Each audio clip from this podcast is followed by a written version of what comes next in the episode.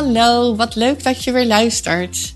Vandaag wil ik het met jullie gaan hebben over waar geldstress nou eigenlijk vandaan komt. Wat zorgt er nou voor dat het lijkt, of eigenlijk is het ook wel zo natuurlijk, hè, met, uh, in deze tijd met de inflatie, de hoge energieprijzen, is er natuurlijk ook geldstress. Maar ik, ik wil eens inzoomen op waarom lukt het toch niet om dat onder controle te krijgen? En um, de reden dat ik, hier, uh, dat ik hier opkom is dat ik gisteravond, uh, of gisteravond, gisterochtend een presentatie uh, gaf voor een netwerkbijeenkomst waar ik lid van ben. En daar ben ik er ook op ingezoomd. En heb ik dat ook verteld. En eigenlijk gaf dat bij die mensen nogal wat eye-openers. Dus ik denk, nou, dat is een hele goede reden om dan, om dan nu in de podcast daar ook eens aandacht aan te besteden. Want eerlijk, we doen allemaal ons best. We hebben allemaal het idee dat we constant keuzes aan het maken zijn. Dat we niet maar onbeperkt geld uitgeven of onverantwoordelijk constant ons geld uitgeven. Dus we hebben het idee dat we heel erg ons best doen. Maar waarom lukt het dan toch niet? Waar komt dan toch die geldstress vandaan? En het eerste punt wat ik ongetwijfeld al vaker in mijn podcasts heb genoemd, dat is dat wij 95% van al onze handelingen, van alles wat wij doen als mens, dat doen wij op de automatische piloot. Daar, daar kom jij bijna niet bij van pas. En dat is om de dood eenvoudige reden dat als je over alles constant na zou moeten denken, dat kost zoveel energie dat je om een uurtje of elf weer gewoon naar je bed moet, omdat je gewoon weer moet bijtanken. Dus vandaar dat dat gewoon in ons mensen is ingebakken dat je 95% op de automatische piloot doet. Dat verklaart ook waarom je eigenlijk altijd dezelfde producten koopt in de supermarkt. Dat je bijna altijd naar dezelfde benzinestation gaat. Dat je, nou ja, dat je gewoon heel veel dingen automatisch doet. Dan is de vraag natuurlijk, maar waar komt dan jouw gewoonte vandaan? En dat heeft weer alles te maken met uit welk nest je komt. Wie zijn jouw ouders? Hoe doen jouw ouders het? Uh, hoe hebben die hun geldzaken be, uh, gedaan, geregeld? Um, hoe deed jouw vader dat? Hoe deed jouw moeder dat? En jij als kind hebt daar, je kijkt dat af. We zijn, uh, we zijn allemaal papegaaitjes. Ik zeg ook wel eens, je kan kinderen heel veel vertellen van hoe ze het zouden moeten doen. Maar als dat niet in lijn ligt met hoe jij het zelf doet, pakken ze er niks van op. Je zal echt zelf het goede voorbeeld moeten geven. Want jij lijkt dus op je vader of op je moeder. En naar alle waarschijnlijkheid heb je daar een mooie mix van gemaakt. Dus daar waar je, waar je bent opgegroeid, daar, daar haal jij jouw rolmodel vandaan. Dat is tevens, uh, dat vertelde ik gisterochtend ook. Uh, dat is tevens een heel mooi gesprek wat je met z'n tweeën zou kunnen voeren als je, als je een partner hebt. Ga eens inzoomen op van, goh, um, hoe, hoe ging dat bij jullie vroeger thuis? Hoe, hoe gingen jouw ouders met geld om? Um, en hoe deed dan jouw vader dat? En hoe deed jouw moeder dat? En op wie lijk jij dan? En dan niet gewoon de aannames van, uh, ja, maar als we bij opa en oma op visite zijn, dan zie ik toch wat er gebeurt. Of ja, maar jij lijkt zoveel op je moeder. Nee, gewoon echt eens het gesprek aangaan om te kijken en te horen van de ander, um, ja, welke waardes, welke gewoontes diegene bij zichzelf herkent van zijn ouders. En je zal zien dat je daar ineens heel veel kennis uit opdoet met z'n tweeën, uh, wederzijds, om, nou ja, om te gaan kijken wat, wat een nieuwe, uh, betere gewoonte kan zijn, maar ook om begrip te krijgen voor elkaar. Want dat is waar het, vaak, uh, waar het vaak aan ontbreekt, dat je elkaar niet begrijpt. Dat je eigenlijk denkt van, ja, maar jij dit en ja, maar jij dat. Wat een volgend punt is, is dat we zijn gewoon een soort van ziende blind voor onze eigen gewoonte. Omdat het een gewoonte is, ben je er niet bewust van. En omdat je er niet bewust van bent, is het ook heel lastig om het te veranderen. Waar ik dat een beetje mee vergelijk is, uh, we kennen, misschien niet, maar de meeste mensen kennen wel het uh, programma Een dubbeltje op zijn kant. Uh, daarin komt dan Annemarie van Gaal met de oplossingen en waar, de, waar het gezin aan mag gaan werken. En als je thuis gewoon in de woonkamer zit, dan denk je, echt serieus, zien ze het nou echt niet? jij ziet als buitenstaander, hè, gewoon zo ingezoomd op het gezin, zie je al precies wat er gebeurt. En dat je denkt, ja, maar dat is toch logisch, dan doe je toch dit of dan doe je toch dat. Maar die mensen zien dat zelf niet. Het zijn gewoonten waar ze gewoon niet meer bij nadenken. Wat, wat er gewoon ingesleten is. En dat is dus tevens de valkuil van heel veel gezinnen. Je doet echt je best. Je bent echt bezig om samen te zoeken naar oplossingen om het anders te doen. Maar je zal heel erg het gesprek aan moeten gaan en samen bewust moeten worden van de gewoontes die er zijn. Want pas op het moment dat je ze bewust bent, dan kan je ze langzaamaan gaan veranderen. Dan kan je ook zeggen van hé, hey, maar dit wil ik niet meer. Ik wil het vanaf nu zo doen. Dat is dus wat ik ook met heel veel van mijn klanten doe. Daar bestaat een, een, een deel van, de, van het traject bestaat echt uit het, het zoeken naar, maar wat is dan voor jullie zo gewoon? Om even een voorbeeld te noemen. Ik heb een, een echtpaar um, gehad. En um, ik, ik, begin gewoon te vergeten welke voorbeelden ik al in uh, podcasts heb genoemd. Dus nou ja, excuus als het een herhaling is. Maar er zijn er gewoon altijd een aantal die zo sprekend zijn voor wat er gebeurt. Uh, dus misschien heb ik hem al een keer verteld, misschien niet. Maar dit echtpaar heeft gewoon al jarenlang financiële stress. Die hebben al van alles en nog wat geprobeerd om het anders te doen, om geld te besparen, omdat ze er helemaal klaar mee zijn. Uiteindelijk hebben ze mij erbij gevraagd en waar kwamen we achter? Deze meneer zit heel vaak op de weg, elke dag.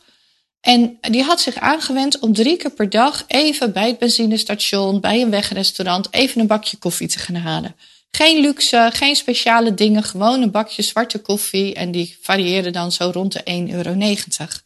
Toen zijn we dat eens gaan uitrekenen met het aantal werkdagen.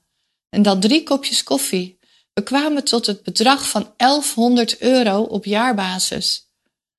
En zij hadden allebei echt zoiets van: wat? Zoveel geld? En ze hebben er ook gewoon nooit bij stilgestaan. Hij deed dit al 20, 30 jaar. Dag in, dag uit. En hij heeft er nooit bij stilgestaan dat daar dus een, um, een, een, besparing in zat. Een ander voorbeeld van al heel vroeg in mijn, uh, mijn carrière als budgetcoach. Dat was een gezin en die hadden mij als budgetcoach uitgenodigd, maar die hadden ook een, um, een makelaar uitgenodigd. Want ze zeiden van, joh, we wonen in een veel te duur huis, we kunnen dit niet meer betalen. We zullen moeten verhuizen. Maar we denken ook dat we aan onze eigen kant nog wel wat besparingen kunnen, kunnen doen. En inderdaad, we vonden gewoon 1400 euro per maand aan besparingen. Dingen die ze niet meer zagen. En het allerbelangrijkste wat er voor mij uitsprong was dat zij nog postcode loterijen hadden op dit huis, op het vorige huis en het huis daarvoor. Dus zij hadden gewoon postcode loten van verschillende huizen. Nou ja, dan hadden ze nog iets van een staatsloterij en een uh, Uiteindelijk um, hadden we een besparing op iets heel simpels. En dat was dus maar één ding, hè, want we hebben 1400 euro per maand bespaard bij hun. Maar um, alleen al op die loten was het 756 euro per jaar. Dus zoveel geld ging er naar loten. En op de vraag van, hebben jullie dan wel eens een leuke prijs gewonnen? Nee, eigenlijk niet. Het waren altijd maar kleine geitjes. Dus, nou ja, en dan de laatste die ik dan eventjes wilde aanhalen, dat is een, uh, een gezin en uh, we gaan natuurlijk ook altijd even door de verzekeringen. En ik ben geen verzekeringsadviseur. Ik ga niemand adviseren. Dat kan ik niet, dat mag ik niet. Maar ik kan wel zien, zijn de bedragen een beetje in lijn? En heb je de belangrijkste verzekeringen wel afgesloten? Of uh, is er eentje die, je, die eigenlijk, ja, toch eigenlijk wel belangrijk is voor een gezin? Maar dan stuur ik je dus altijd wel door naar je verzekeringsadviseur. Maar dit gezin had vier um, telefoonverzekeringen. Twee verzekeringen op telefoons die er al lang niet meer waren. Twee verzekeringen op de telefoons die ze nu hadden. En wat ze zich realiseerden van, hè, maar we wisten helemaal niet meer dat we die verzekeringen hadden. We hebben nog, een paar maanden geleden hebben we nog het schermpje van een telefoon op de hoek van de straat in Gouda laten vervangen. En uh, op mijn vraag van, ja, en had je dat dan anders gedaan als je nog had geweten dat je die verzekering had? Keken ze me echt heel schuldbewust aan. Nee, waarschijnlijk ook niet. Want dit is gewoon meteen er naartoe gaan, laten vervangen en je neemt je telefoon weer mee. En anders hadden we hem naar alle waarschijnlijkheid moeten opsturen. Dus de verzekeringen werden opgezegd. Dit zijn gewoon even drie voorbeelden. Ik kan er heel veel noemen, maar deze blijven me op de een of andere manier altijd bij. Dus vandaar. Even terug naar waar de geldstress nou vandaan komt. Een, uh, een, een ander belangrijk ding is dat het gras altijd groener lijkt aan de andere kant. We kijken allemaal op social media, bijna allemaal. Mijn man niet, die heeft helemaal niks met social media. Maar we, de meeste mensen zitten wel op social media. En ondanks dat we het weten, dat iedereen alleen maar de leuke dingen deelt, realiseren wij ons dat niet op het moment dat we zien, oh kijk eens waar die naartoe zijn geweest op vakantie. Nou, zeg, ze zijn alweer een weekendje weg. Waar doen ze het toch allemaal van? En omdat je dat ziet en omdat je ondertussen denkt van ja, maar ons inkomen verschilt helemaal niet zoveel met hun. Dat, het, waar, hoe kan dat nou toch? Zie je wel, het moet gewoon kunnen. Wij doen iets fout. Maar wat je dan heel goed mag realiseren is waar ik mee begon. We delen wel de leuke dingen, maar we delen niet dat er een hoop stress en spanning binnen in huis is. Dus vergeet nooit dat je niet bij iemand binnen kan kijken naar de negatieve kanten.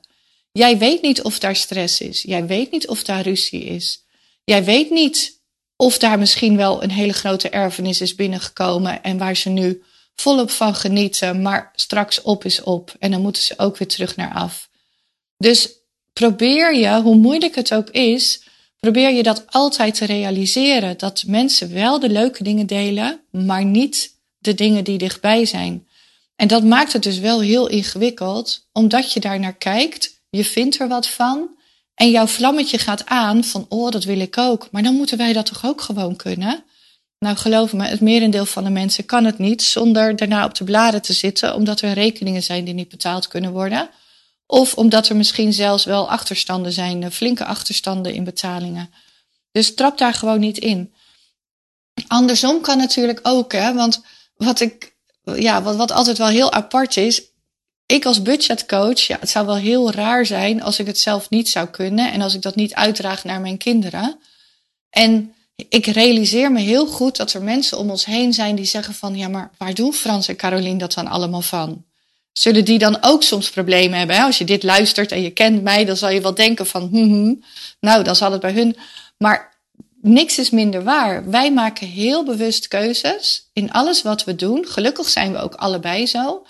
En wij geven dus geen geld uit aan dingen waar we gewoon minder om geven. Maar wij focussen ons heel erg op de dingen waar we wel van houden. En dat is uh, een dagje naar de sauna, een weekendje weg, een, een vakantie. En zelfs dan maken we hele bewuste keuzes. Want ik ga liever twee keer een weekend weg met hele bewuste keuzes dan één weekend en gewoon lekker alles doen waar ik zin in heb. Of waar ik zin in heb, wat, wat me minder toevoegt dan ik eigenlijk zou willen. En zo, zo werkt het met mijn dochter ook, die nu voor acht maanden in Australië is. Ik weet, ik, ik, de vraag is me ook al een paar keer gesteld, dat heel veel mensen denken dat wij dat betaald hebben. Maar niks is minder waar. Naomi heeft het allemaal zelf bij elkaar gespaard, ondanks dat ze student is. En ook zij maakt, ondanks dat ze nu in Australië is en de tijd van haar leven heeft en, en super gave dingen doet en heel veel geld uitgeeft aan tours en aan uh, uit het vliegtuig springen, parachute springen boven de Great Barrier Reef en bungee jumpen. En ze doet zo, zoveel gave dingen, maar heel bewust haalt ze zelf de boodschappen, kookt ze zelf. geeft ze geen geld uit aan stappen en dat soort dingen, omdat ze zegt van ja, dat kan ik in Nederland ook met mijn vriendinnen. Ik ben hier om Australië te ontdekken. En ook zij maakt dus, ze heeft het jaar daarvoor hele bewuste keuzes gemaakt om genoeg geld bij elkaar te sparen om daar acht maanden naartoe te kunnen. En daar maakt ze de bewuste keuzes dat ze ook acht maanden weg kan blijven en niet na vier maanden terug moet omdat er geld op is. En um, nou, ik geloof dat deze ook op deze manier wel duidelijk is. Wat het ook moeilijk maakt en, en waar onze geldstress vandaan komt, is dat we gewoon in een andere tijd leven. We leven niet meer in de tijd van 40 jaar geleden, van onze ouders. Toen hadden ze uh, geen elektrische fietsen, toen hadden ze geen dure mobiels. Toen was het niet belangrijk dat iedereen in huis een laptop had voor school. Um, we, uh, vader werkte, moeder was vaak thuis. Je ging één keer per jaar op vakantie. En uh, als je geluk had, ging je een weekje in het voorjaar en een weekje in het najaar. Maar veel meer was het gewoon vroeger niet. Het was niet gebruikelijk. Er was geen social media om het te delen. De financiën waren er niet naar. Uh, niemand deed het. Dus we leven gewoon nu echt in een totaal andere tijd. Waarin we elkaar, maar ook een ander onderdeel, daar kom ik zo meteen op.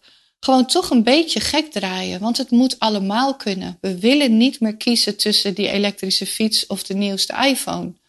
We willen niet meer kiezen tussen supergave vakanties en dan thuis um, uh, wat, wat minder kleding kopen, wat minder vaak uit eten gaan, uh, zelf koken in plaats van eten bestellen. Eigenlijk willen we een soort van het allemaal. En hoe begrijpelijk ook als je moe thuis komt om dan even eten te bestellen. Maar ik wil je uitnodigen, tel het eens allemaal bij elkaar op. En ga dan eens kijken, is dat het waard?